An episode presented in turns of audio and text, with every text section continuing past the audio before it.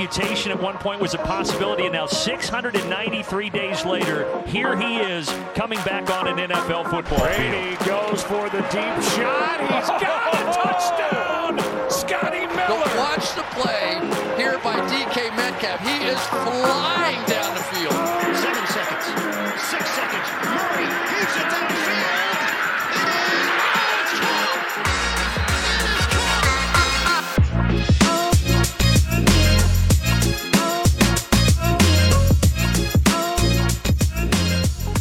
bij een nieuwe aflevering van de Sport Amerika Fantasy Voetbal Podcast. Waar we gaan vooruitkijken naar het weekend, week 5 dat eraan zit te komen.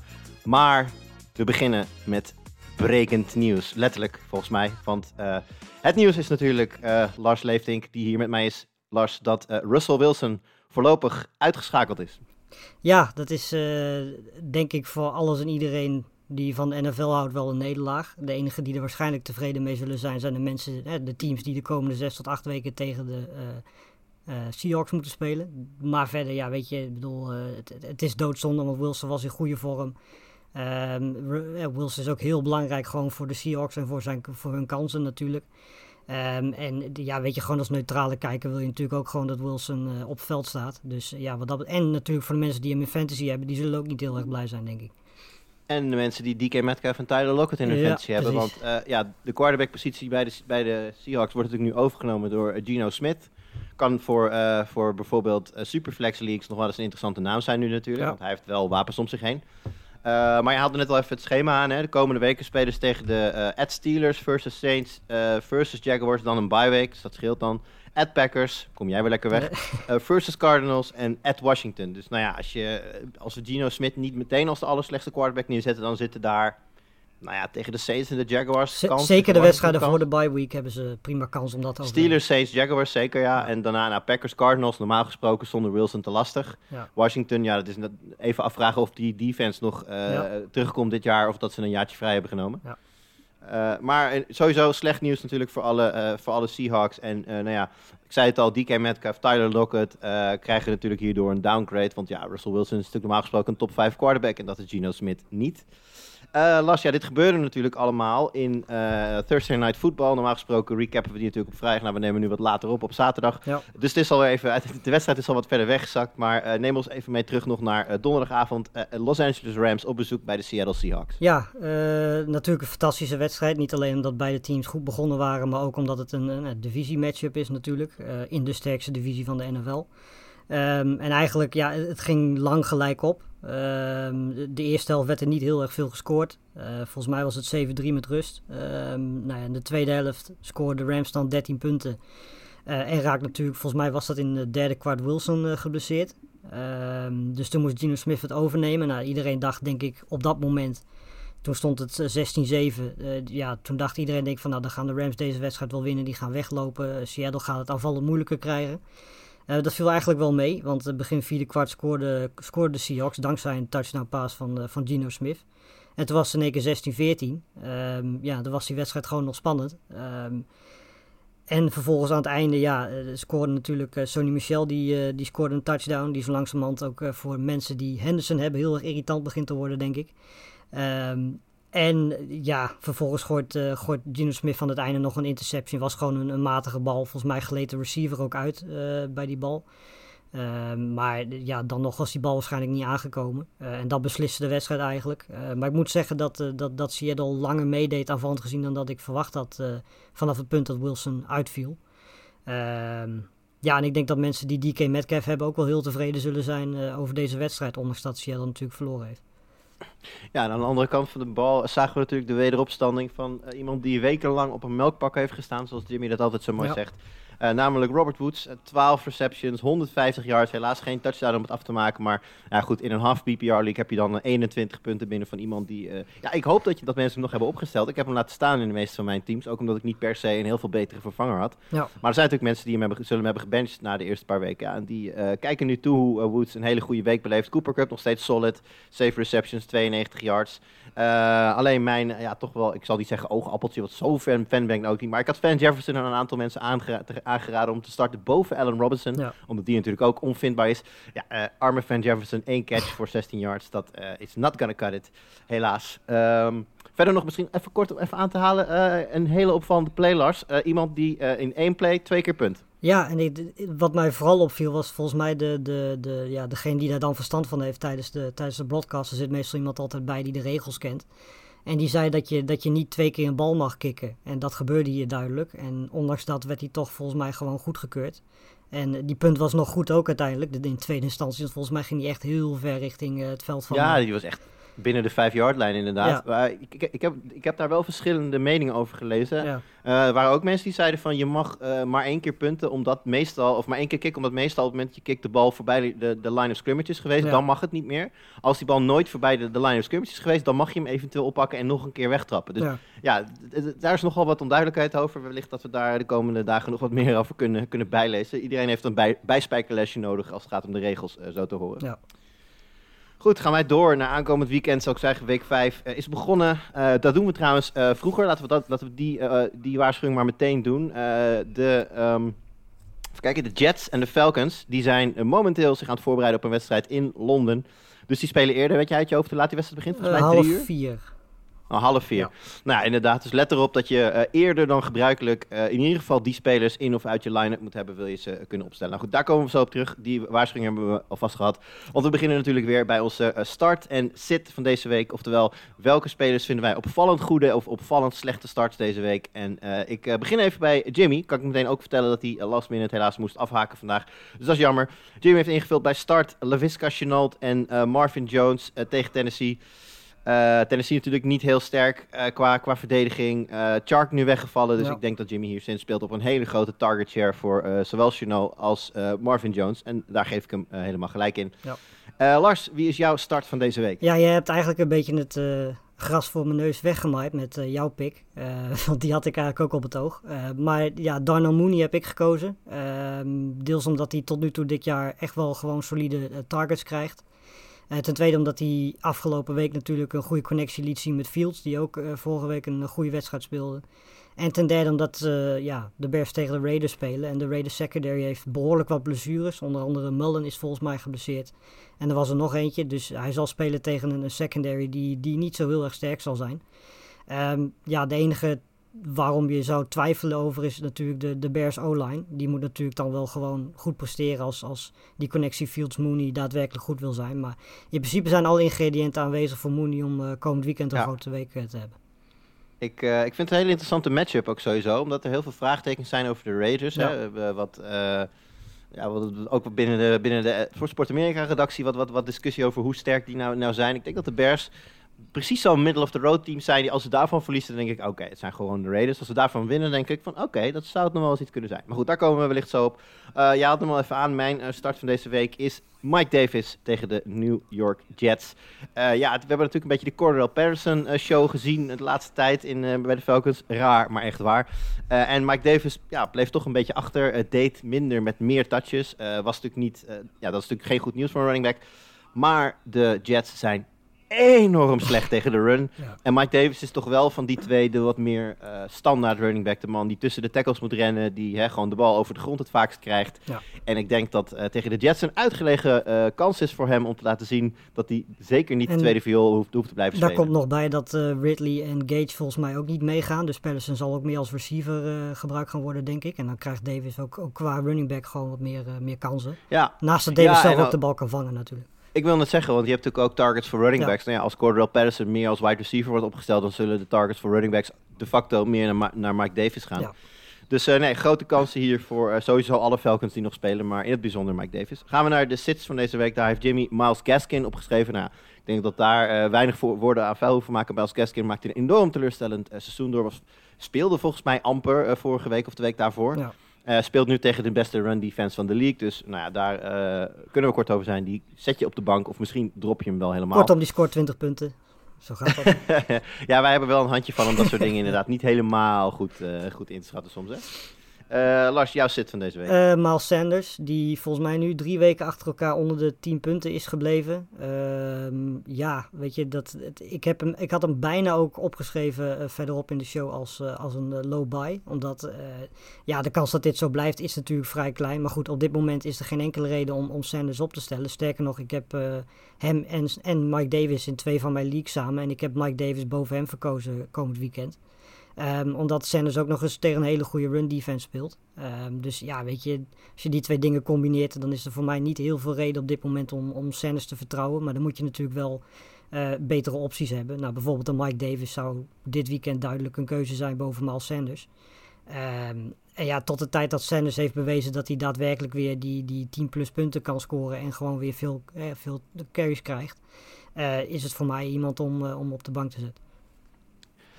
Ik uh, heb deze week gekozen als sit voor de week uh, voor Antonio Gibson. En dat is misschien een beetje een opvallende, want het is natuurlijk wel gewoon een hele duidelijke RB1. Maar Gibson is niet fantastisch begonnen dit jaar. Wordt natuurlijk door de aanwezigheid van uh, J.D. McKissick ook bijna niet gebruikt in de passing game. En speelt deze week tegen de New Orleans Saints. En die zijn uh, niet super goed op heel veel dingen, maar wel heel erg goed in run defense. En dan met name uh, de, de standaard runner, hè, waar we net Mike Davis een goede kans gaven tegen de Jets, omdat die daar slecht in tegen zijn. Daar zijn de, de Saints juist erg sterk tegen de uh, standaard run. McKissick heeft daar geen last van, die kun je rustig opstellen. Maar ik verwacht een down game voor Antonio Gibson. Zit een beetje in dezelfde situatie als Sanders wat dat betreft. Ik verwacht ja, eigenlijk van allebei dat er op een gegeven moment een keer de situatie komt dat ze in vorm komen, dat ze meer punten gaan scoren. Maar er is op dit moment niet veel aanleiding om te denken dat dat komend weekend gaat gebeuren. Ja, al vind ik het verschil wel dat Gibson heel duidelijk de beste renner is op zijn team. Ja. Kijk, McKissick heeft zijn eigen uh, kwaliteit en heeft dat ook laten zien. Ja. En heeft per ongeluk ook al een paar ballen over de grond uh, de endzone ingerend volgens mij. Maar um, Sanders heeft volgens mij op überhaupt nu niet de sleutels van de, van, van de auto in de handen. Ja. Want ze weten volgens mij daar helemaal niet of ze nou Sanders of Gainwell beter vinden. En ze hebben een mobiele quarterback daar natuurlijk. En ze hebben en inderdaad, Jalen Hurts eet daar natuurlijk ook runs op. En dat zal, uh, dat zal uh, bij... Uh, sorry, met wie vergelijken we hem nou? Met Gibson. Ja, sorry, dat doet... Nou, Heineken hey, doet dat ook wel. maar minder dan, dan Jalen Hurts. Hurts die, is natuurlijk nog net even wat sneller. Maar Heineken heeft ook zeker zijn puntjes gepakt met zijn benen. Laten we daar niet te lullig om doen. Goed, dat was hem voor de start en sits van deze week. Gaan we door met het schema. En zoals altijd kiezen we beurtelings een aantal wedstrijden uit. En uh, ik geef zoals altijd de eer aan Lars.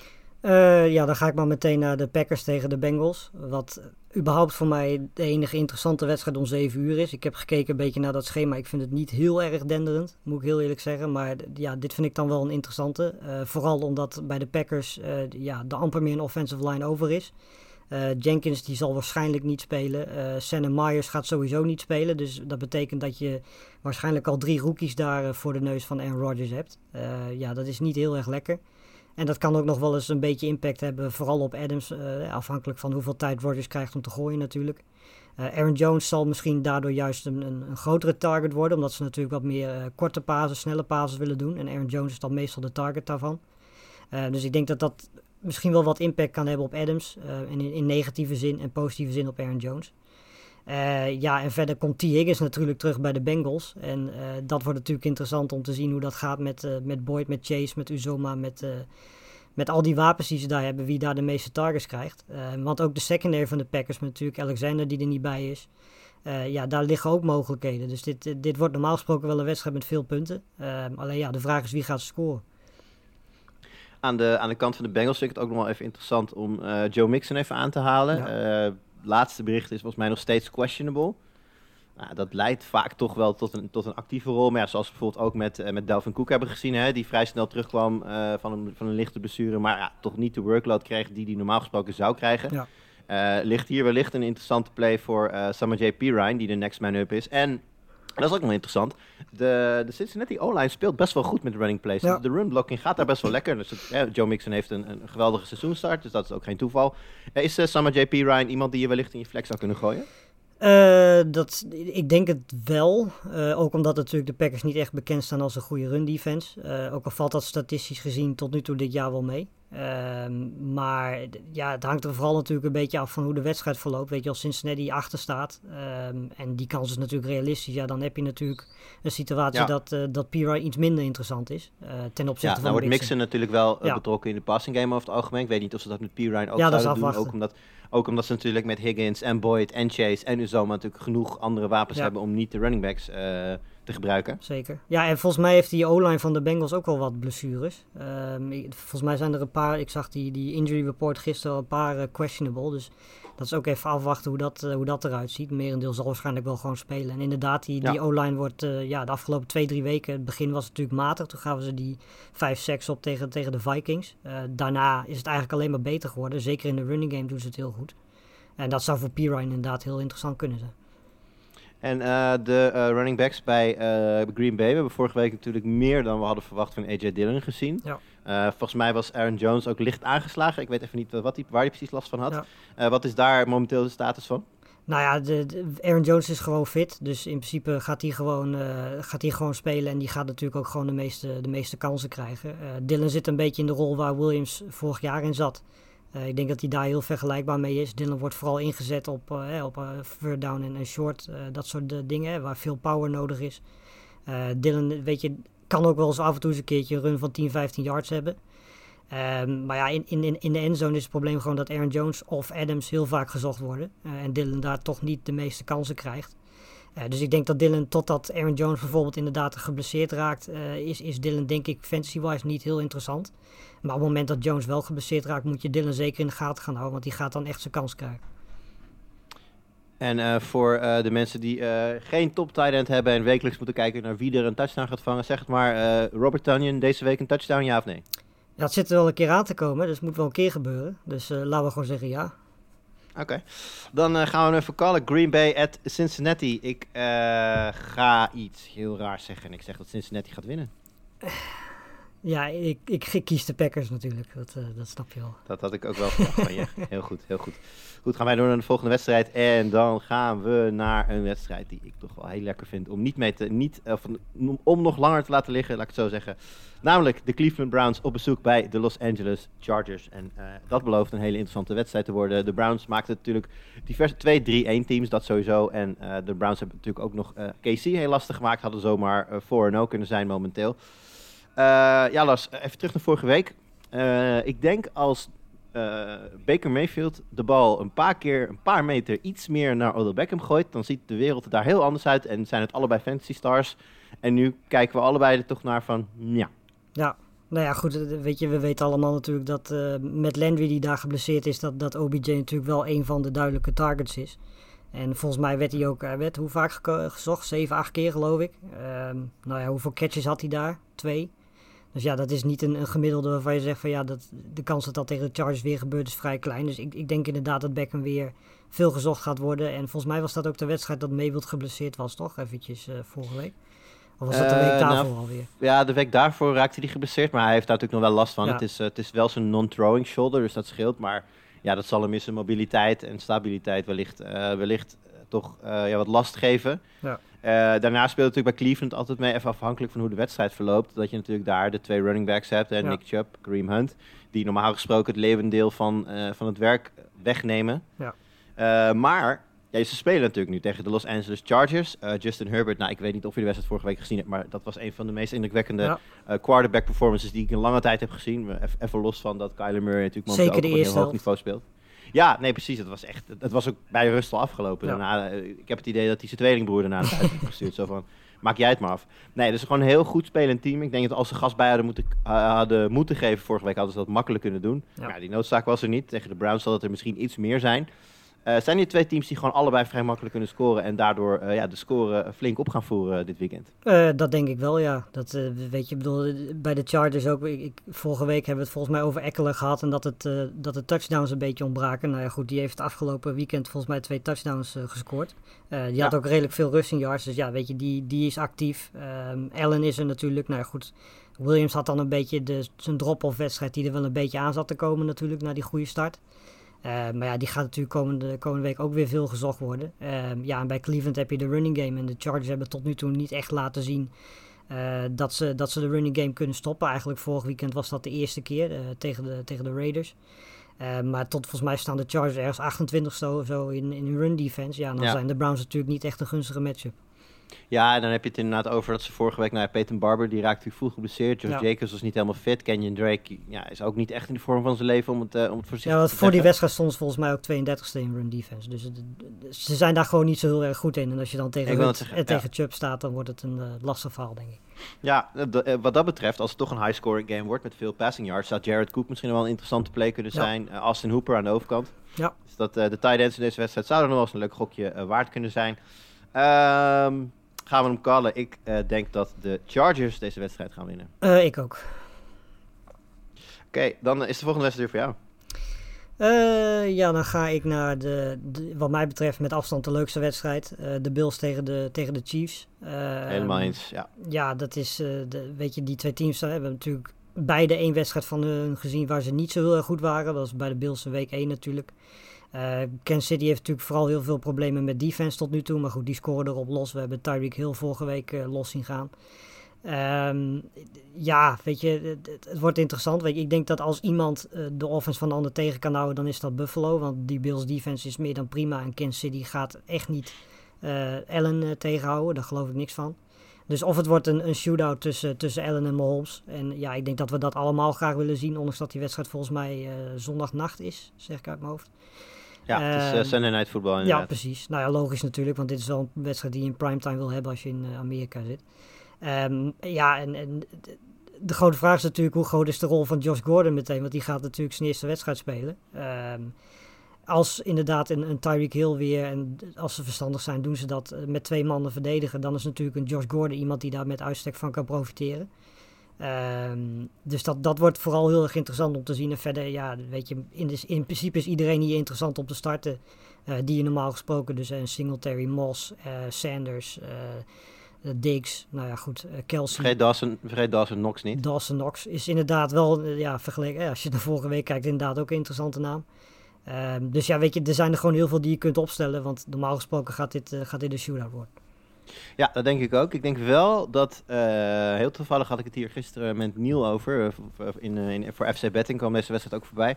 Toen zei ik al, als er inderdaad één defense, wat jij eigenlijk ook net al aangeeft, één defense in staat is om de ander te gaan stoppen, dan zijn het de Bills. Ja. En dat zou voor eh, vooral Moss en Singletary wel eens een heel prettig eh, gamescript op kunnen gaan Ja. leveren. Omdat zij dan op een gegeven moment natuurlijk de klok willen gaan spelen. En uh, Mahomes zal, zal moeten blijven gooien. Ja. Wat dan voor Ed- Edward Hilaire wellicht een wat minder eh, positief gamescript hebt. Maar goed, je hebt hier, ik denk, eh, de, zeg ik iets raars als dit de twee beste aanvallen van de, van de AFC zijn momenteel. Eventueel met eh, de Chargers er nog bij. Eh, ja, in Arizona wellicht, maar dit zijn wel de... ja, dus, en, andere, andere league, hè? Ja, precies. Oké. Nou, nee, inderdaad. eh, de, de Bills en Chiefs, absoluut. Duidelijk. Ja. Ja, nou, ook nog even over Josh Gordon. Eh, persoonlijk, ik denk dat het te vroeg komt. Ik denk dat hij wel op het veld zal staan op een gegeven moment. Hè, Ja. Get your feet wet. Maar ja, al met al speelt die jongen nu, is hij nu wat, hoe lang staat hij onder contract? Anderhalve week. Dus hij heeft nu net eh, dat, dat playbook en alles, dat, dat, dat komt, allemaal, Ja. eh, komt allemaal vanzelf wel. Eh, zullen ze um, eh plays voor hem gaan schemen? Wellicht. Kijk, eh, toevallig hadden we het hierover in, oh, in een eh, forum voor een paar weken of maanden geleden. Ging het, daar ging het toen over dat eh, Josh Gordon weer mocht spelen van de NFL en, en of hij nog een rol van betekenis zou spelen en zo ja, bij wie. En toen gaf ik al aan dat ik dacht dat de Chiefs een interessante fit zouden zijn, omdat zij een echte red zone threat naast Kelsey missen. Ja. In de red zone, al die receivers van zijn allemaal kleine, snelle jongens. Ja. En dat is levensgevaarlijk. Maar ja, ze schemen, hè, ze staan erom bekend dat ze af en toe een lineman, eh, dan, dan, komt, dan is er ineens een lineman eligible en die schemen ze dan open in de endzone en die vangt dan ineens een touchdown. Ja. Ja, dat doe je niet, dat doe je niet als je verschrikkelijk goede red zone eh, threats in je team hebt. Dus ik denk dat Gordon zeker van meerwaarde kan zijn in dat aspect van het spel. Ik denk dat hij voor de rest. Het, echt, het, het zal een, een touchdown-dependent wide receiver worden at best. Ik denk niet dat het een target monster à la heel gaat worden. Of, of, of zoals Kelsey. Ja. Maar gewoon het, der- het derde wapen in die offense eh, kan al heel veel waard zijn. Nou, die hebben ze wel nodig, want als je kijkt wat daar nu achter zit, eh, een Hartman, een, een Pringle, weet je, dat is zo af en toe een wedstrijd wel leuk. Maar dat zijn niet jongens waar je consistent zeg maar, van kunt verwachten dat, ze, dat die de nummer drie receiver zijn. En ja, qua talent kan Josh Gordon dat natuurlijk halen als hij verder gewoon gedraagt en gewoon echt daadwerkelijk op voetbal focust. Ja, Eh, precies. Het is een hele andere, het is een hele andere receiver. Want Ja. inderdaad, Hartman, Pringle, ook nog eh, Robinson. De Marcus Ja. Robinson loopt er nog rond natuurlijk. Allemaal een beetje toch van hetzelfde, eh, snel, eh, yards after the catch. Dat, dat is een beetje het spelletje wat, wat zij daar kunnen spelen. Ja. Ja, als je dat soort jongens de, het veld kan laten stretchen. En dan met, je had Kelsey natuurlijk altijd al een beetje voor die medium routes. Als je daar dan Gordon nu bij kan zetten. Dat is denk ik hoofdpijn voor elke, elke verdediging. Maar goed, dat, wat ik al zeg, dat is denk ik het best case scenario voor George Gordon. We hebben hem natuurlijk ook al een keer eerder zien terugkomen bij New England. Eh, dat nou, was een paar wedstrijden leuk, bleek uiteindelijk toch niet te werken. Dus eh, laten we dit eerst maar eens zien en dan eh, geloven. Nou, Lars, kalm maar even deze kraker in de AFC.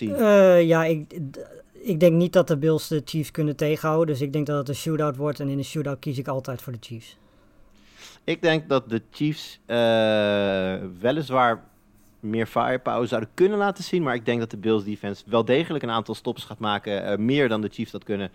En ik denk dat Bills een, eh, een upsetje gaan, eh, gaan, gaan noteren hier. En dat het crisis gaat worden in, eh, in Arrowhead. Want ja, dan, het is lang geleden dat, dat, dat, dat KC een losing record heeft gehad natuurlijk. Ik ben benieuwd of ze dat, nog, dat woord nog kunnen spellen, crisis. Goed, dan gaan wij door naar de volgende wedstrijd. En ja, we zitten nu zo lekker in de topteams. Ik zou zeggen, daar, li- daar blijven we even hangen. Want San Francisco 49ers gaan op bezoek bij de nog ongeslagen Arizona Cardinals. Eh, nou, ik zei al, eh, de speler, Justin Herbert speelt op, wat mij betreft op MVP-niveau, maar er is er natuurlijk nog één. En dat is Kyler Murray. Die is echt eh, een cheatcode zo ongeveer voor, voor fantasy voetbal. Ja. Maar we beginnen even aan de andere kant van de bal, want daar is momenteel wat meer te melden. In de eerste plaats, George Kittle listed als doubtful. Nou, dat betekent in de praktijk meestal dat iemand niet gaat spelen. Dus als je George Kittle in je line-up hebt, dan ben je A, niet tevreden met hoe je seizoen begonnen is. En B, eh, je moet op zoek naar een andere tight end, zeer waarschijnlijk. Eh, Lars, wat zou daar... Uh, Dio Samuel, natuurlijk al, heel- al wekenlang eh, de duidelijke nummer 1 daar als het gaat om het vangen van ballen. Volgens mij momenteel wide receiver top 3 Ja. in, in fantasy. Ja. Ehm, ja, is het überhaupt mogelijk om hem nog meer volume te geven? Of ja, kunnen ze nu eigenlijk niet meer anders? En ja, mag, mag Brandon Ayuk nu dan toch eindelijk een keer definitief uit de doghouse? Hm. Want die had natuurlijk een aardige week 3, maar vorige week toch weer helemaal niks. Ja, nou weet je, de- ik denk dat het niveau waarop Samuel nu zit, ik denk niet dat je hem veel meer kunt geven, want dan wordt het misschien ook een beetje voorspelbaar. Ehm, dus ik denk dat het vooral interessant gaat zijn om te zien wie daarachter dan eh, de namen zullen zijn. Nou ja, en een Ayuk, ja, weet je, dat is dan in principe de eerste die je opschrijft. Eh, je hebt natuurlijk wel nog een Sharefield erachter bijvoorbeeld eh, en nog een paar andere namen, maar ja, qua talent is Ayuk natuurlijk degene die er dan bovenuit steekt. Je zou zeggen als, als Ayuk dit jaar komend weekend niet meer kansen krijgt, niet meer ja, eh, beïnvloed of beïnvloed, eh, meer betrokken raakt bij, bij, bij de offense, ja, dan, dan zou je eigenlijk wel kunnen afvragen wanneer het dan wel gaat gebeuren. Ja, en eh, als we dan kijken naar de, de running backs daar, dat is natuurlijk ook een, een, hoofd, een hoofdpijn document. Ja. Hoe, hoe zie jij dat gaan komende week? Ja, ik, eh, ik weet eigenlijk zo langzamerhand niet eens meer wie er nou wel of veel fit is daar. Want eh, volgens mij eh, is, Mitchell, is Mitchell fit? Mitchell is volgens mij questionable. Eh Sermon is sowieso fit. Ja. En dat is natuurlijk al, hè, het, het seizoen begon natuurlijk raar. Iedereen had verwacht dat Sermon daar de, de leadback zou zijn. Nou, dat werd dus Mitchell. Ja. Ehm, en Jimmy die heeft ons hier gelukkig wat van advies voorzien. En die zegt, je kunt Sermon opstellen als flex als Mitchell afwezig is. Maar als Mitchell start, dan kun je ze beter allebei op je bank zetten. En ik denk dat hij daar gelijk in heeft. Want het is, behalve, behalve, behalve, behalve coach Shanahan, weet niemand hoe eh, die running backs daar gebruikt gaan worden. Ja. En ik denk dat als je eh, ze niet hoeft op te stellen, dan moet je het ook zeker niet doen. Ja, en laten we wel wezen, als je met Arizona mee wil, dan is de kans groot dat je moet gaan pasen natuurlijk. Ehm, wat overigens ook interessant is, want volgens mij gaat twee Lens eh, ja, de komende tijd wel starten, aangezien Garoppolo geblesseerd is. Ja, goed dat je daar nog even over begint. Ik had hem inderdaad niet hier op het lijstje staan, maar dat is natuurlijk belangrijk om even te vermelden. Hè. Voor het seizoen, eh nou ja, Lawrence werd natuurlijk gezien als starter, dat bleek ook wel. Eh, of tenminste, hij startte, of hij goed genoeg is om, om te starten, dat is een andere discussie. Ja. Ehm, maar eh, Justin Fields en Trey Lance werden toch voor fantasy wel gezien als de grote beloftes, maar moesten op de bank beginnen. Eh, krijgen nu allebei eh, starts. Of dus, Fields gaat nu volgens mij zijn tweede start in. En, en is nu ook aangewezen als starter voor de Bears going forward. En Trey Lance is nu in ieder geval de starter voor deze week bij, bij de Niners. Maar daar eh, is volgens mij. Weet je, weet je hoe dat er nu voor staat? Is Jimmy Garoppolo nou al definitief naar het tweede plan gezet? Of krijgt hij zijn baantje weer terug? Nee, eh, hij nog niet definitief, maar ik heb een beetje het idee dat dat eh, misschien wel hetzelfde zal gaan als, als met Justin Fields nu bij, bij de Bears. Dat is natuurlijk, ligt ook in de handen van Trey Lance. Weet je, als hij komend weekend goed speelt, ja, dan is er na de bye week ehm, natuurlijk niet heel veel reden om in één keer naar, weer terug te gaan naar Garoppolo, die tot nu toe nog niet extreem Ja. veel indruk heeft gemaakt. Maar ja, als Lance eh, komend weekend in één keer matig speelt, is de kans groot dat ze na de bye week gewoon weer naar eh, Garoppolo gaan natuurlijk.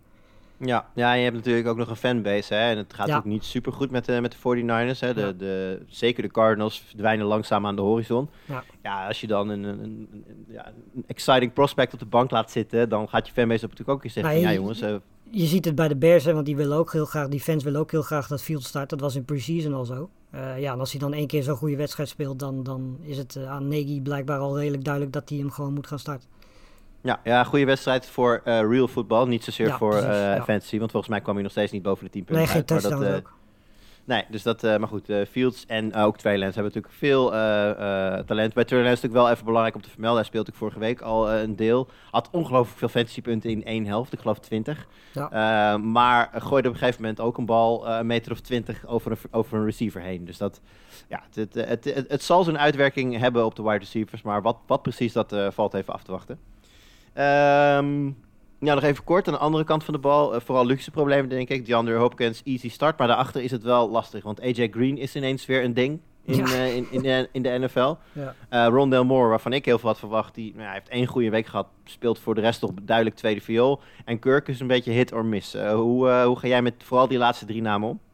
Eh, ja, lastig. Dat is, eh, weet je, ze zijn op dit moment alle drie geen, eh, geen zekere start. Totdat ze laten zien op, dat, ze, dat ze op langere termijn twee, drie wedstrijden achter elkaar leuk kunnen, kunnen produceren. Maar op dit moment, ja, weet je, is achter Hopkins heb je gewoon geen zekerheid. En dat is best wel jammer, want eigenlijk is die Arizona defense is een, of offense is een van die beste en meest productieve in, in de league, weet je. En dan, ja, dan heb je graag dat je twee, drie duidelijke namen hebt die je kunt opstellen. Ja. Maar op dit moment is eigenlijk alleen Hopkins dat in, in de passing game.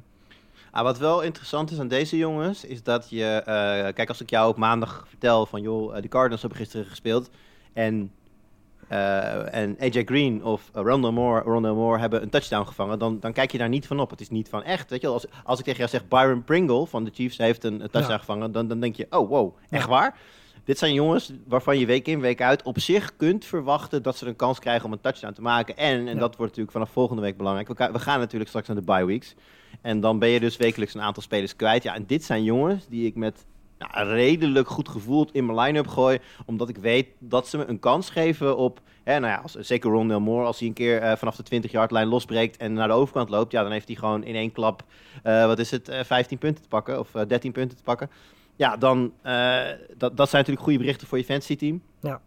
Dus dat eh, geldt voor al die jongens. Dus wat dat betreft goed om op je roster te hebben. Maar ja, buiten die andere Hopkins toch lastig. eh, Je moet er ook eh, rekening mee houden dat ze, dat ze je 2, 3, 4 punten opleveren. ja, precies. En dat kan ook in die bye gebeuren. Maar ja, dan is dat minder erg. Want dan, dan, dan zijn het gedwongen wissels. Je sterren zitten wellicht op de bank. Ja, dan weet je dat je het lastig krijgt. En dan Ja. eh, moet je zo'n gokje een keer nemen. En wellicht pakt het goed uit. Precies ook de reden dat je zoveel mogelijk van je buys allemaal in één week moet hebben. Dan heb je dat gezeik eh, in principe in één week en de rest van de periode niet zoveel. Ja, ik, ik zit in een aantal leagues waar een aantal mensen volgens mij nu er langzaam achter begint te komen. Dat ze dan in week 9 of zo hun hele line-up missen ongeveer. Ja. Dus nou, dat, dat je, kan het uitleggen als nadeel, je kan het ook uitleggen als het voordeel. Want dan heb je de rest van de week gewoon je team, dat klopt. Ja.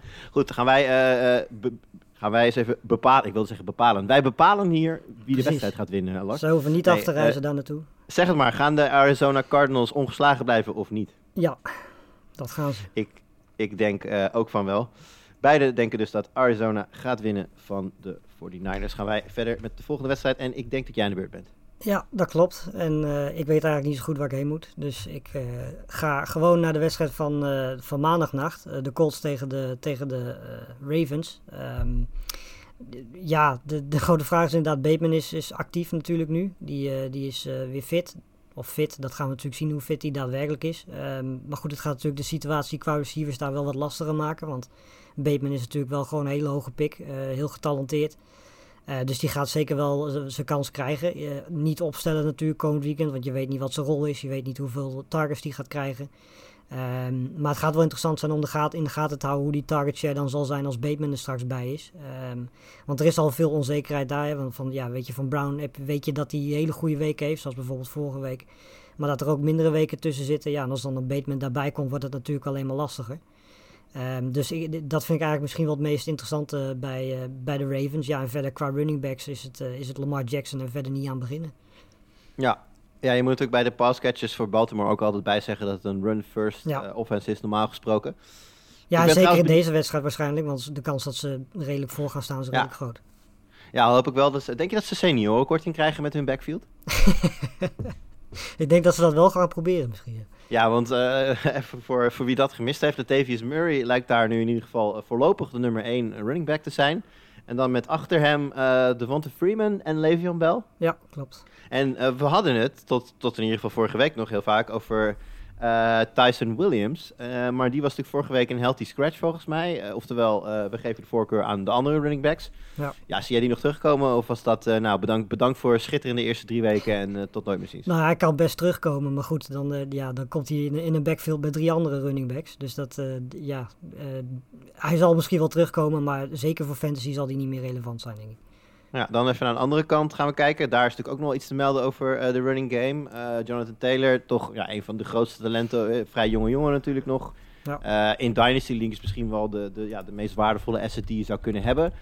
Maar ja, dit, dit, dit jaar toch lastig begonnen. Ehm, ja, ik ben niet geneigd om te denken dat er tegen Baltimore meteen betere tijden aankomen voor JT. Nee, ten eerste omdat hij tegen goede defense speelt. En ten tweede is de kans groot, en dat hebben ze natuurlijk de afgelopen weken bij Indianapolis vaker meegemaakt, dat ze achter staan. En dan moet je meer gaan pasen, dus krijgt Taylor minder kans om te rennen. Ehm, en het is niet zo dat, ja, weet je, in week 1 was hij wel actief bij de passing game, maar daarna, ja, hij kreeg volgens mij eh, één of twee targets per wedstrijd. Ja, dat is ook niet iets om naar huis te schrijven. Dus het is niet zo dat hij dan in één keer actief is bij de passing game, ook omdat je natuurlijk Heinz daar nog hebt. Eh, die heeft die rol meestal. Dus dat, dat is gewoon zijn nadeel. Hij zit gewoon wat dat betreft eh, niet bij het ideale team, omdat hij gewoon veel achter staat. En dat, ja, dat kost hem gewoon extra attempts. die je normaal gesproken wel zou krijgen, zeker als je voor staat natuurlijk. Ja, nou hebben ze daar wel gezegd dat in een, in een ideale wedstrijd zouden Heinz en Mac allebei zeg maar vijf touches krijgen en dan Taylor 10. En dat is natuurlijk, Ja. dat is natuurlijk niet helemaal, hè, dat het worden natuurlijk altijd meer, maar om even aan te geven, Taylor 50%, eh Mac v- 25% en Heinz 25%. Ja. Dat is een beetje, in, en dan eh, ja, zeg maar de hot hand kan dat dan een beetje beïnvloeden nog. Maar, ik geloof dat ze Mac ook willen, willen tweeden, toch? Ja, dus die zal eventueel nog wel Ja. wat in de, in de etalage worden, worden gezet. Dus Ja. eh, we gaan het zien. Nou, moeten we deze nog callen? Ik denk bij de Baltimore. Ja, dat denk ik inderdaad. Goed, gaan we verder. En dan eh, ga ik nog even terug naar, de, naar die schitterende 7 uur 's avonds eh, weg, weg, wedstrijden. Ehm, want eh, Delvin Cook, en dan heb ik het natuurlijk over de Detroit Lions op bezoek bij de Minnesota Vikings. Delvin Cook is nog steeds of weer questionable. En, nou, vorige week hebben we dat ook gezien. Toen speelde hij wel, maar wat ik al zei, hij had geen volledige workload. En ja, stelde op fantasygebied daardoor ook teleur. Eh, ze hebben natuurlijk met, eh, met Alexander Madison hebben ze een, eh, een, hele goede vervanger in huis. Ja, dat is een hele lastige situatie, hè? Want ja, Cook zal actief zijn, dat kan bijna niet anders. Maar ja, als je hem vorige week hebt opgesteld, dan ben je niet blij. Wat geef jij de Cook-eigenaren voor eh, advies Lars? Ja, nou ja, als, als Cook speelt, weet je, Madison heeft op zich wel zijn, zijn, ja, zijn kansen verdiend. Maar ik denk toch dat als Cook gewoon fit is, dat hij dat hij gewoon de, de, de belangrijkste schakel erin gaat zijn. En Madison zal, net zoals we bijvoorbeeld zien bij, bij de Cowboys met Pollard, ik denk dat hij wel een wat grotere rol krijgt en ook verdiend heeft. Eh, dus het zal wel impact hebben op, op, op de statistieken van Cook. Ehm, maar Cook is natuurlijk nog steeds, ook omdat hij in die passing game actief is, is natuurlijk nog steeds een hele, hele relevante, relevante running back. En ja, zeker tegen een, een, team als Detroit, eh, ja, is dat natuurlijk gewoon iemand waar je als hij speelt heel veel punten van mag verwachten.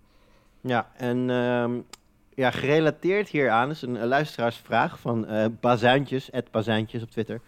Die vraagt Thielen of Jefferson. Dan eh, vind ik, in eerste, in eerste plaats vind ik dat een luxe probleem trouwens om te hebben. Ja. Dat vind ik een fijn probleem om te hebben. Maar, eh, en eh, Jimmy heeft het al even voor ons beantwoord. Die zegt, waarom niet gewoon allebei opstellen tegen de Lions? Met Cook ook nog steeds niet helemaal fit. Want dat, jij Ja. geeft terecht aan, Cook, een grote rol in de passing game over het algemeen.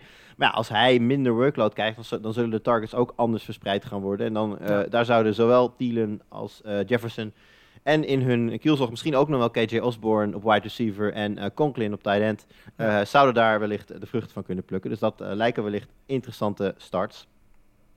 Lars, de running backs aan de andere kant. Swift. Nou, we, begin, we begonnen een beetje 50-50, hè, Jamal Williams en eh DeAndre Swift. Ja. Nou, dat is nu natuurlijk, dat, dat leek helemaal naar Swift te gaan, kantelde toen toch een beetje terug. Wat is daar nu op dit moment de status van?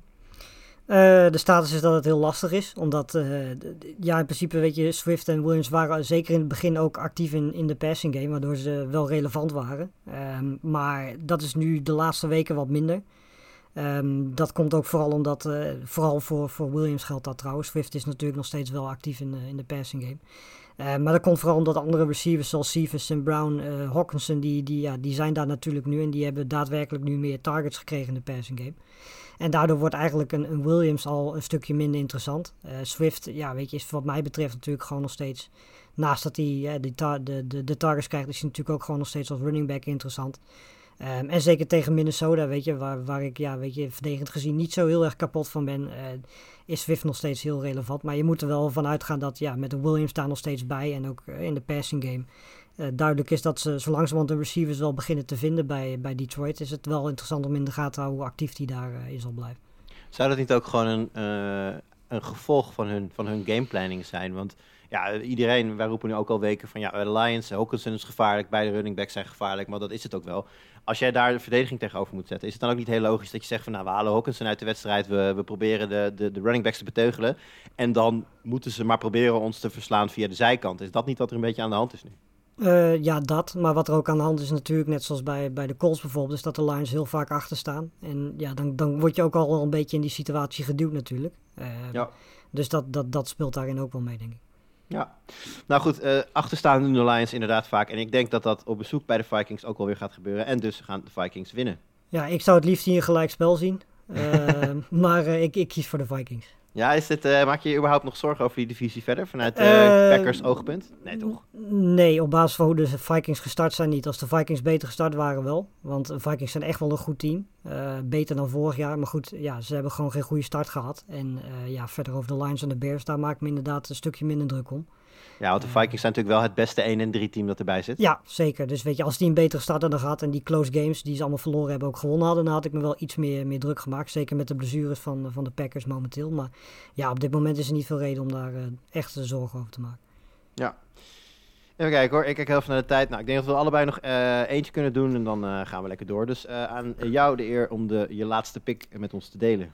ja, dat wordt dan Titans tegen de Jaguars. Omdat daar heel veel interessante dingen te gebeuren staan. Natuurlijk ten eerste bij, bij Jacksonville.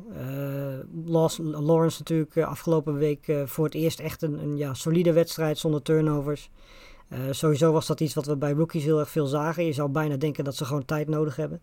Um, en ik denk dat hij dat tegen deze defense wel eens door zou kunnen zetten. Uh, er is in ieder geval geen enkele reden om te denken dat Tennessee verdedigend in één keer een of andere fantastische unit gaat worden. Um, dus ik denk dat, dat dit wel eens een, een high-scoring game kan zijn. En bij Jacksonville, daar hebben we het net ook al over gehad, zijn natuurlijk Chenault en, uh, en Marvin Jones interessant nu, uh, nu Chark er niet bij is. de running game, ja, dat is natuurlijk altijd nog afwachten. Want Robinson was vorige week goed. Maar ja, ik weet niet hoe de status van Hyde nu is, of hij nog steeds geblesseerd is. Uh, of dat hij komend weekend weer terugkomt. Maar goed, ja, weet je, als hij er niet bij is, is Robinson natuurlijk nog wel heel relevant. Ik denk heel eerlijk dat uh, de performance van Robinson van vorige week ook wel iets verandert daar. Ik denk dat Ja. je niet. Ik denk dat je als coach ook tegen je spelers op een gegeven moment niet kan zeggen van ja. eh, Oh ja, we hebben een supergoeie running back. Die scoort twee touchdowns als we hem de kans geven om inderdaad 20 of meer carries eh, te doen voor ons. En dan eh, nadert hij of gaat hij over de 100 yards heen. Maar we hebben hier nog een fossiel uit een vorig tijdperk. Die willen we graag ook opstellen. Dus dat doe maar. Ja, grij, grijze haren, voor respect voor grijze haren, dat soort dingen. Nee, ja, kijk, Carlos Hyde, het zal een change of pace blijven. Hij zal af en toe wat lucht kunnen, kunnen geven aan, eh, aan, Rob- aan Robinson. Maar ik denk na vorige week dat eh, Robinson wel gewoon een hele duidelijke RB1 gaat worden. En eh, nou ja, als, je, als je voor hem getrade hebt in de eerste week, dan gefeliciteerd. Want dat gaat een hele goede deal zijn, denk ik. Ja. Eh, ik wat mij betreft start je eh, J. Rob zonder enige twijfel. Ja, zeker tegen Titans, absoluut. Ja, en eh, nou, je haalde Marvin Jones en Chanel natuurlijk al even aan. Hè. Kijk, eh, we zijn het al bijna vergeten, maar Travis Etienne is daar natuurlijk ook eh, weggevallen nog voor het seizoen begon. Marvin Jones, Chenault zijn de facto daar eigenlijk de enige echte ja, duidelijke wapens. En ik denk inderdaad dat tegen de zeer slechte Titans secondary zij een, een heel aardige dag kunnen gaan hebben. Dus ik heb zelfs een team waar ik ze allebei heb. En volgens mij heb ik ze ook allebei in mijn line-up staan momenteel. Ja. Dus dat belooft wat. Eh, nog heel even AJ Brown, eh, Julio Jones waren natuurlijk allebei vorige week uitgeschakeld. Julio blijft dat, eh, geloof ik. Eh, AJ Brown komt wel terug. Ja, nou ja, goed, dat is natuurlijk voor alle mensen die de receivers daarachter hebben niet zo goed nieuws. Want ja, de kans dat AJ Brown nou heel erg veel gezocht gaat worden is vrij groot. Dat kan ook goed nieuws zijn voor Tannehill natuurlijk. Ehm, want ja, weet je, die is tot nu toe dit seizoen nog niet in hele denderende vorm als je naar fantasy kijkt.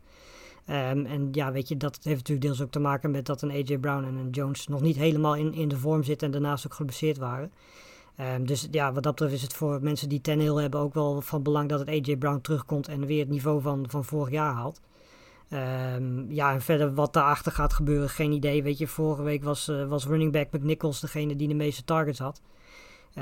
Ja, daarachter had je Rodgers, Reynolds, eh, Westbrook, Ikine. Ja, weet je, dat zijn dan jongens waar je naar moet kijken. Maar stel je die Uh, met zekerheid op nee. Ook al weet je dat natuurlijk die Jaguars defense, uh, ja, daar kun je natuurlijk wel wat punten tegen, tegen gaan scoren. Ja, maar dat doet Henry denk ik al.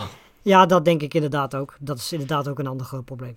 Dan hebben we die ook nog even plichtmatig genoemd. De, de, de, king of fantasy, in ieder geval zolang CMC ja. uh, niet speelt. Um, gaan we hem callen. Ik moet heel eerlijk zeggen, ik vind hem heel moeilijk. Want ik wilde ja. eigenlijk al zeggen Jaguars. Toen dacht ik, oh wacht even, we hebben Derrick Henry nog helemaal niet genoemd. En die, dat is ook nog wel een factor.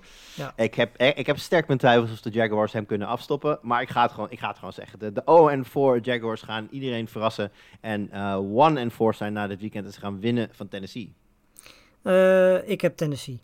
Want ik denk Dat dat, het is- een shootout wordt. En ik denk, ja, net zoals bij de Chiefs, dan is de kans dat ik voor Tennessee kies vrij groot. Goed, gaan wij de laatste eh, wedstrijd nog even uitpikken. En daarna eh, loop ik nog heel even snel langs een aantal opvallende dingen, blessures en dat soort dingen die je even moet weten. Eh, maar de laatste game die we nog even uitpakken is de Chicago Bears at Las Vegas Raiders. We zeiden het net al, Justin Fields start. Ehm, Lars, denk jij dat hij inderdaad dit seizoen nog die, nou ja, top 10 fantasy quarterback werd hem toch wel gegeven, evenals Trey Lance. Zien we dat nog dit jaar van Fields? Eh, dat, nou ja, goed, weet je, tegen de Raiders kan dat natuurlijk op zich wel. En als je kijkt naar de rest van het, het programma wat je hebt tegen de Packers, tegen de... eh, nou, daarna wordt het wat lastiger, zie ik. Dus eh, weet je, hij hij heeft best wel een programma waar hij tegen, tegen pittige defenses moet staan. Maar hij heeft natuurlijk ook het voordeel dat hij best wel mobiel is. Dat hebben ze tot nu toe bij de Bears nog niet echt uitgevonden, geloof ik.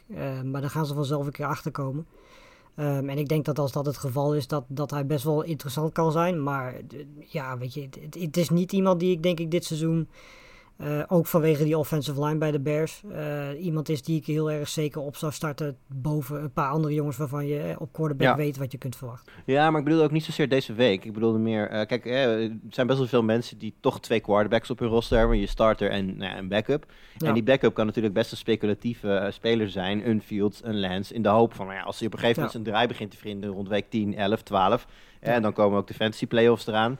Maar als je dan een Fields hebt die zijn draai heeft gevonden, zijn benen gebruikt en dat soort dingen. Ja, dan kan je zomaar een top 5 quarterback ineens in je line-up kunnen hebben. En ja, met dat, met dat oogpunt kijk ik nu eigenlijk meer naar Justin Fields en ook naar Trey Ja. Lance trouwens. Ja, sowieso moet je eigenlijk op die manier naar elke rookie kijken. Want ja, weet je, iedereen die op dit moment een rookie heeft, zoals Zach Wilson of Trevor Lawrence, weet je, dat gaat gedurende het seizoen allemaal beter worden.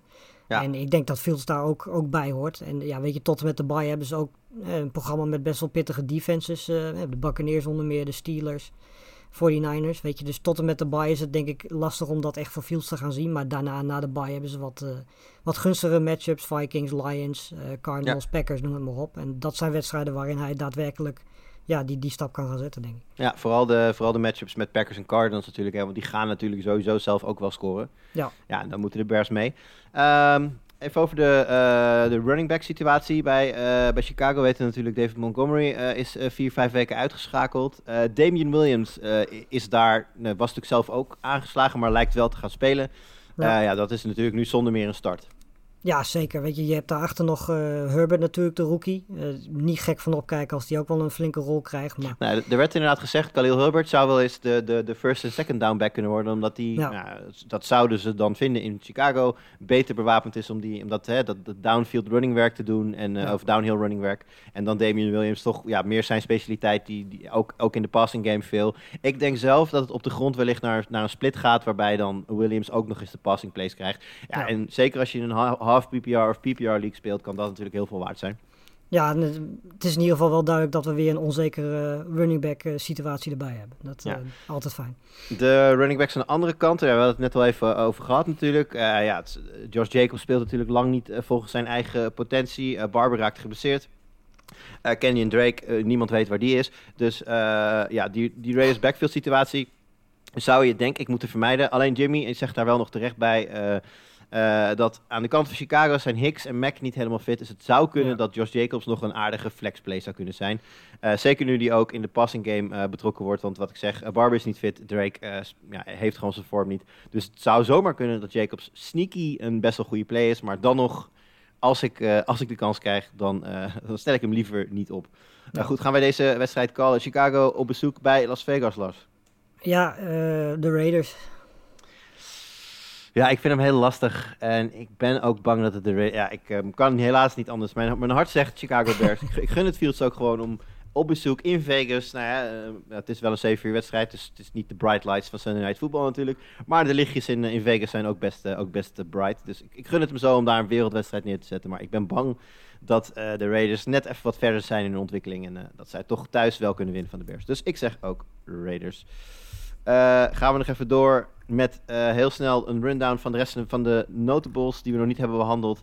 Um, goed om te weten, uh, Rob Gronkowski speelt niet deze week, speelde vorige week ook niet. Dus mocht je die in je team hebben, dan moet je op zoek weer naar een vervanger.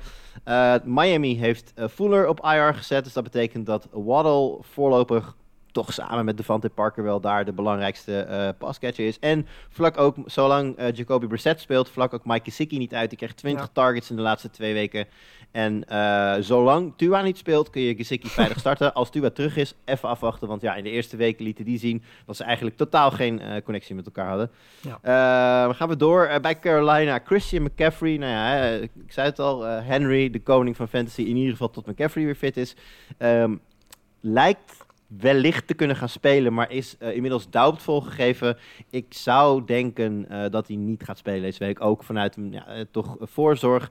je kunt hem nu ook nog wat extra rust geven en dan is hij in week 6 gewoon topfit. En ik denk dat een topfitte CMC is wat we allemaal willen zien. En als CMC niet speelt is Chuba Hubbard natuurlijk gewoon de automatische vervanger. Kreeg geen rol in de passing game, maar zelfs dan nog met hoe vaak zij hun running backs gebruiken, denk ik dat een, een goede start is. Gainwell bij Philadelphia, daar zegt Jimmy nog even snel over. Sanders krijgt daar meer snaps, maar Gainwell krijgt al het goal-line werk. En uh, een grotere rol in de passing game en is dus beter bestand tegen gamescript. Dus mocht je Gainwell uh, in je team hebben, dan is dat wellicht ook een, een overweging waard. gaan we door naar New England. Daar zou gamescript nog wel eens heel interessant kunnen zijn voor Damien Harris. New England speelt tegen Houston. We gaan ervan uit dat ze flink voorkomen te staan en dan veel over de grond gaan doen. En Damien Harris is daar natuurlijk de man die dat moet gaan doen. En bij de... Even kijken, hebben we nog verder... Daniel Jones uh, als laatste, uh, nog wel een aardige sleeper. Um, ook trouwens, mocht je uh, Russell Wilson hebben en die nu kwijt zijn, dan is Daniel Jones misschien wel een naam die je ja. zou kunnen gaan oppakken. Evenals Sam Darnold, die doen het in fantasy al een hele tijd heel aardig. En Daniel Jones speelt deze week uh, tegen Dallas. En daar hebben we al meerdere quarterbacks goede scores tegen zien halen. Dus wellicht uh, kun je die ook gewoon opstellen. Dan gaan we door, uh, Lars, naar gebruikelijke afsluitende item. Tenminste, we komen zo nog even bij twee vragen van de luisteraars. Maar eerst buy and sell of the week. Oftewel trade targets. Wie zou je willen halen en wie kun je nu maar het best gaan verkopen? Jimmy zegt buy Jonathan Taylor, nou dat is natuurlijk logisch, Jonathan Taylor, zeer uh, getalenteerd, maar slecht begonnen. En ook waarschijnlijk tegen Baltimore deze week weer een slechte week. Dus wellicht kun je die vrij goedkoop krijgen. Uh, Lars, jouw buy van deze week? Uh, ja, ik heb hier wel lang over na moeten denken, maar ik heb uiteindelijk voor CD Lamb gekozen. Uh, die begon natuurlijk wel, wel prima, maar de laatste twee wedstrijden had hij uh, minder dan 10 punten en had hij ook niet zo heel veel targets. dat komt natuurlijk deels ook omdat met Pollard en met, met Elliott ze daar een goede run game hebben. Ehm, maar ja, weet je, ik denk op dit moment, de, kans is vrij groot dat we zeker richting midden einde van het seizoen uh, ook omdat de tegenstand dan iets zwaarder zal worden voor de Cowboys en ze minder makkelijk uh, kunnen zeggen, well, we gaan de klok uh, een beetje melken met de run game. Um, denk ik dat, dat de rol van Lam gewoon weer groter gaat worden. En ik denk dat je op dit moment op basis van, van de afgelopen twee weken een stukje goedkoper kan krijgen dan, dan dat hij eigenlijk waard is. Want ik denk dat Lam gedurende het seizoen ja, gewoon weer naar die, naar die receiver gaat die, die 10, 15 punten per wedstrijd pakt. En, en een hele belangrijke rol speelt in, in die passing game. Ja, ik denk dat je daar gelijk in hebt. Wat daar trouwens ook opvallend is, is hoeveel uh, targets er momenteel naar de tight ends gaan. Dat is ook wel ja. Opvallend. Ja, ik ben blij dat ik uh, Schultz heb opgepakt. Omdat uh, natuurlijk Gronkowski geblesseerd uitviel. Daar heb ik Schultz opgepikt. En dat pakt tot nu toe wel aardig uit. Ja, nee, zeker. Z zeker totdat... Uh, nou ja, zou wel, hoe heet die, als, als Michael Gallup terugkomt. Dan zijn er wel eens een probleem ja. kunnen hebben. Maar, maar, tot die tijd denk ik dat dat wel goed zit. mijn buy is George Kittle. Nou, ik zei het al, ik heb hem zelf ook in een van mijn teams. En ik ben daar nu nog niet heel blij mee. Maar ik denk dat George Kittle in potentie nog steeds een van de beste drie tight ends in de league is. hij, hij zal moeten laten zien dat hij een connectie heeft ook met Trey Lance straks. Maar er komen betere tijden aan voor Kittel. Dat kan bijna niet anders. Dus als er een ontevreden Kittel-eigenaar in jouw league zit, stuur hem eens een berichtje. Want wellicht wil hij wel gewoon van hem af. Dat kan best wel.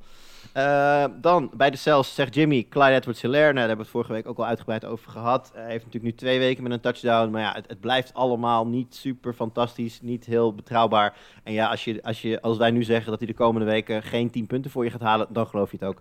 Dus uh, wat, wat, wat, Jimmy betreft, uh, grijp je de kans nu aan. hij heeft twee aardige games op rij genoteerd. En wellicht is er iemand die flink voor hem wil betalen momenteel. Lars, jouzelf van deze week. Uh, ja, Cordell Patterson van, uh, van de Falcons. Die natuurlijk uh, ja, zeker afgelopen weekend een hele grote en belangrijke rol had. Ehm, komend weekend zal dat ook nog wel zo zijn, want er zijn natuurlijk Ridley en Gage er niet bij. Uh, maar ja, je kunt je eigenlijk bijna niet voorstellen dat Patterson op dit niveau blijft, uh, blijft scoren, blijft presteren. Uh, zeker als straks inderdaad Gage en Ridley weer terug zijn. Dan zal hij toch wat meer die, ja, die, die rol krijgen die bijvoorbeeld een McKissick ook heeft. En ja, dan, dan is hij natuurlijk zeker niet meer zoveel waard als dat hij nu is als je hem verkoopt. en de kans is groot dat iemand er misschien nu nog wel intrapt en denkt van nou Patterson die gaat echt daadwerkelijk ook straks als die anderen terug zijn een grote rol hebben. Um, maar normaal gesproken als Ridley en Gage terug zijn en als ze ook eindelijk eens een keer ontdekken dat Pitts daadwerkelijk een belangrijk wapen voor ze kunnen, kan zijn, dan, uh, de, ja, dan is de kans groot dat Patterson gewoon weer met, met Mike Davis die, die, ja, die rol van, van een McKissick bijvoorbeeld uh, moet gaan delen. Ja. Nou, mijn cel voor deze week heeft eigenlijk een beetje met mijn buy voor deze week te maken. Want ik zat dus na te denken van oké, stel nou dat je George Kittle inderdaad wil, wil halen bij iemand. Wat ja. ga je daarvoor teruggeven? Ja, en het probleem bij tight natuurlijk, de meeste mensen hebben geen twee, überhaupt geen twee tight op hun rooster. Rooster laat staan twee echt goede tight. Dus je zult er waarschijnlijk ook zelf een tight bij moeten doen om een kans te maken op die trade. En toen dacht ik van, nou stel nou dat je nu Dawson Knox hebt van de Bills. Was natuurlijk heel uh, prominent, maar ja, dat komt ook omdat uh, Stefan Dix natuurlijk nog niet, hij pakt zijn punten, zeker, maar is nog niet de monster waar, zeg maar, die we weten dat hij kan zijn op het moment dat hij meer zijn targets gaat pakken uh, tegelijkertijd met Sanders en Beasley, dan ben ik heel benieuwd hoeveel er nog overblijft voor een Knox. Ik denk dat Knox uh, ja, gewoon uiteindelijk een touchdown-dependent tight end is. En als je een Knox kunt verkopen en daar bijvoorbeeld een George Kittle voor terug uh, kunt krijgen, dan zou je dat meteen moeten doen. Dus ik zou zeggen, kijk eens wat je kunt krijgen momenteel voor Dawson Knox. Goed, Lars, gaan wij door. Want er staat hier nog een tweetal vragen van onze luisteraars. Waarvoor veel dank. We hadden natuurlijk net al eentje behandeld. En de volgende is van Arjan Kruithof. Die volgens mij momenteel in Londen zit. Maar dat weet ik niet helemaal zeker. Maar ik denk het wel. Uh, die vraagt: uh, Moet ik Trey Lance starten over bijvoorbeeld een Daniel Jones, een Carr of een Jalen Hurts? Of Zo. toch wachten tot uh, na de bye. En hier zegt Jimmy alvast over... Uh, zonder Kittel verdwijnt er een vangnet tegen de sterke Cardinals. Ik zou Hurts en Daniel Jones boven hem starten... maar de upside is er natuurlijk wel. Lars, hoe zie jij dat? Uh, ik denk dat ik daar wel mee eens ben. Weet je, Carr zou je daar natuurlijk normaal ook bij zetten. Het probleem is alleen dat Carr, ondanks dat hij heel goed speelt... ja, qua fantasy eigenlijk bijna nooit echt uitblinkt. Dat, dat vind ik altijd wel heel opvallend. Want Carr is gewoon een hele goede quarterback. Maar in fantasy zit hij eigenlijk amper tot nooit echt in de buurt van de toppers. En wat dat betreft heb je met Jones en natuurlijk met Hurts ook twee jongens die, uh, die natuurlijk ook met de benen wat kunnen. Uh, en ja, weet je, wat dat betreft, zeker omdat je van die twee ook weet wat je kunt verwachten inderdaad. Zou ik die twee inderdaad wel verkiezen boven Trey Lance. Ja, zeker. En dan gaan we door met de volgende vraag. Uh, Pim Siegers die vraagt wie te starten naast Camara. En dan denk ik echt van sommige mensen hebben echt te, te luxe ja. problemen. Hier wil ik eigenlijk ook gewoon geen antwoord op hebben. Het maakt niet eens uit. Maar goed, hij vraagt uh, wie te starten naast Camara. Camara is een RB1 en als RB2 heeft hij Kareem Hunt, Nick Chubb, Damian Williams of Mike Davis. Ja. Nou, ik nou, zou hier uh, in principe normaal gesproken gewoon gaan voor Nick Chubb, omdat ik dat gewoon de beste running... Uiteindelijk hè, kijk gewoon naar de rankings, uh, ook van de, de, de, de fantasy specialisten her en der. En dan zul je zien dat Chubb over het algemeen van deze namen wel dik bovenaan zal staan. Ja. en dat is voor mij deze week niet per se anders tegen de Chargers die over de grond... nou ja, Lars, je zei het natuurlijk net al, die over de grond niet geweldig zijn. Dus voor mij is het vrij eenvoudig Nick Chubb. Alleen ik zou ja. zoiets hebben van, je hebt toch ook nog flexspots? Ik bedoel, je kunt er denk ik meer kwijt. Ja, precies. En ik denk dat, dat Damien Williams het ook wel een eer vindt dat hij tussen deze namen staat. Want volgens mij is dat de eerste die je kunt afstrepen als je, als je moet kiezen. Um, Mike Davis is natuurlijk relevant omdat hij tegen de Jets speelt. Dus dat, dat is natuurlijk wel de reden dat je misschien daarover kunt twijfelen. Maar, en Hunt natuurlijk in, in de passing game actief. Maar nee, in principe als je de een mag kiezen, Chubb. En als je de twee mag kiezen, zou ik Chubb en Hunt kiezen. Absoluut, we zeiden het al. Hè? De, we verwachten dat de Browns tegen de Chargers een aardige high-scoring game gaat worden. Ja. Uh, Chargers run first offense. Veel aandacht ook voor de running backs in de passing game. Uh, wat mij betreft uh, inderdaad Chubb als running back 2. En als je plek hebt in je flex, dan zet je daar gewoon Kareem Hunt neer. En dan eh, nooit, meer, nooit meer over nadenken en er gewoon veel plezier van hebben aankomende zondagavond. En dat geldt natuurlijk voor jullie luisteraars ook. Eh, alvast hartstikke veel plezier aankomend weekend. Veel succes, behalve als je tegen mij speelt. En eh, wij spreken jullie natuurlijk weer volgende week. Tot dan!